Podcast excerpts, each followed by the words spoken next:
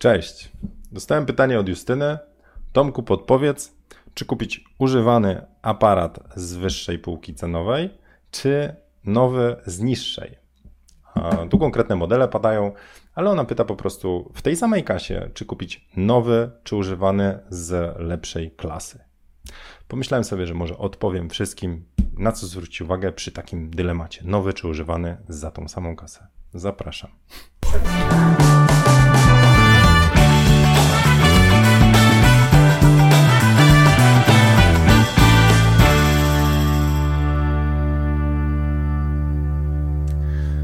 To pytanie nie ma właściwie jedynej poprawnej odpowiedzi, bo wszystko zależy od tego, co się dla ciebie liczy i co się działo z tym aparatem poprzednio. I, I, też do czego aparatu potrzebujesz. Więc każdy aparat ma swoje życie. No, on ileś tam tych pstryknięć walnie. Więc jeżeli bierzesz pod uwagę lustrzankę, to każde walnięcie lustra to jak odebranie no, części żywotności tego aparatu. Trochę jak Indianie, że każde pstryknięcie zabiera im duszę. E, takie aparaty są właśnie skalowane e, czy gwarantowane użycie w ilości strzeleń. Różnie. 100 tysięcy, 150 tysięcy, zależnie ile taka migawka pociągnie. E, obejrzyj sobie link na stronie, który tu zamieszczam.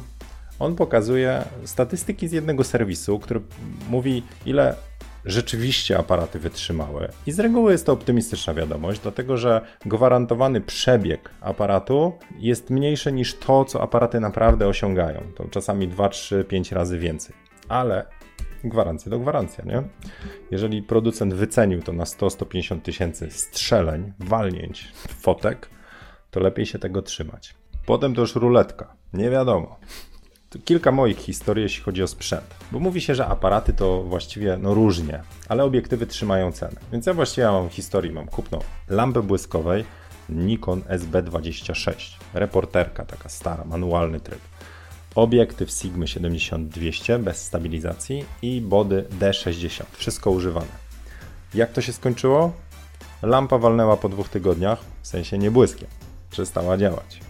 Obiektyw super zdawał relację, ale okazało się, że mi potrzebna jest stabilizacja. Czyli obiektyw dawał radę. Mogłem z nim żyć. To był świetny test na to, żeby przekonać się, że ten obiektyw nie jest dla mnie. Potrzebuję czegoś więcej.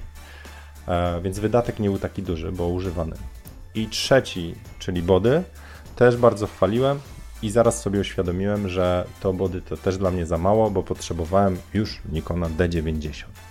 Więc 1 na 3 trafiony. Lampy już nigdy nie kupię używanej. Obiektyw i body dla mnie było to wtedy ok. A jak to wygląda obecnie?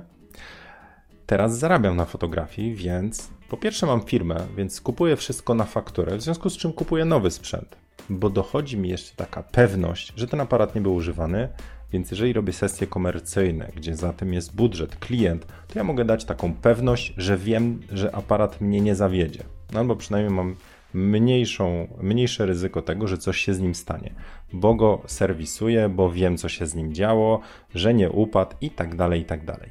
A tego nie wiesz, jeżeli bierzesz z drugiej ręki. Więc teraz kilka ważnych informacji przy zakupie używanych aparatów. Poza życiem tego aparatu, czyli ilością strzeleń, ten aparat no, różne rzeczy mógł przeżyć. Więc może mieć otarcia, odklejane gumy, czy odchodzące części. Te rzeczy jesteś w stanie z reguły wymienić w serwisie. Ale może niektóre, może tobie to zupełnie nie przeszkadza i spokojnie sobie radzisz z tym aparatem. Druga rzecz, no to zabrudzenia matrycy, czy może uszkodzenia matrycy. I nie brałbym aparatu, gdybym się nie upewnił, że matryca daje radę.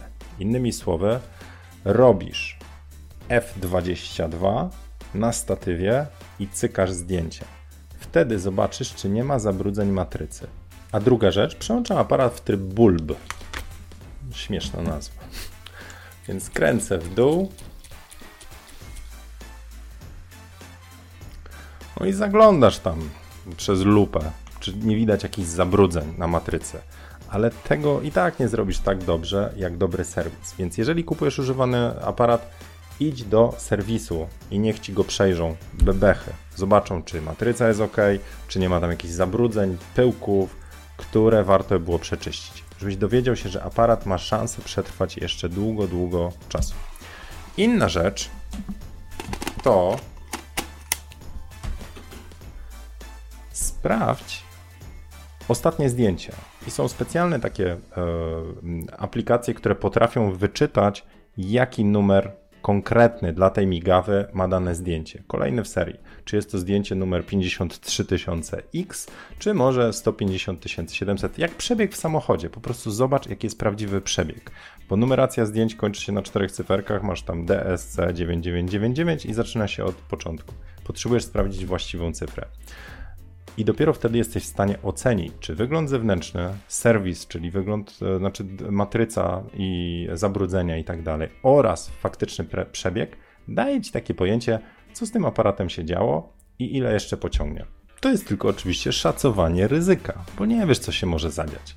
Na korzyść używanego sprzętu przemawia jeden główny czynnik kasa. Jeżeli rozwijasz swój warsztat, i możesz zaoszczędzić trochę grosza lub potrzebujesz nowych funkcjonalności i chcesz je potestować, oczywiście nie tak na jeden dzień, ale na długo. I nie przeszkadzają ci te rysy, tam odklejająca się możliwe guma i jesteś w stanie spać spokojnie ze względu na ryzyko, bo znasz poprzedniego właściciela, sprawdziłeś matrycę, przebieg i masz dużą szansę, że ten aparat jeszcze pożyje lata, to roz, yy, używany sprzęt daje ci tą taką łatwiejszą, bardziej miękkie wejście w rozwijanie swojej fotografii po prostu jest taniej, więc to nie jest takie bolesne. Jeżeli masz worek bez dna, mnóstwo kasy, to w ogóle po prostu się nie zastanawiasz i kupujesz oczywiście nowy sprzęt. Ale jeżeli rozważasz fotografię komercyjną i masz już płatnych klientów, to tu z tym używanym sprzętem miałbym rebus. Także wybór należy do Ciebie poważnie, e, tu nie ma właściwej opcji. E, ważne, żeby jeżeli rozważasz używany aparat, po prostu przetestuj go, idź do serwisu, sprawdź żywotność e, i przebadaj i zobacz, czy jest wszystko ok. To tyle tej rozkminki z nowym używanym aparatem. Mam nadzieję, że przynajmniej jakieś lampki się zapalą, gdzie szukać, co sprawdzić i na co uważać przy wyborze używanego versus nowego aparatu. E, życzę, trzymam kciuki za rozwój pasji. No i co, jeżeli macie jakiekolwiek pytania, na które chcecie w takich krótkich, szybkich materiałach, żebym odpowiedział, zapraszam na dole w komentarzach. Trzymajcie się, do zobaczenia, cześć.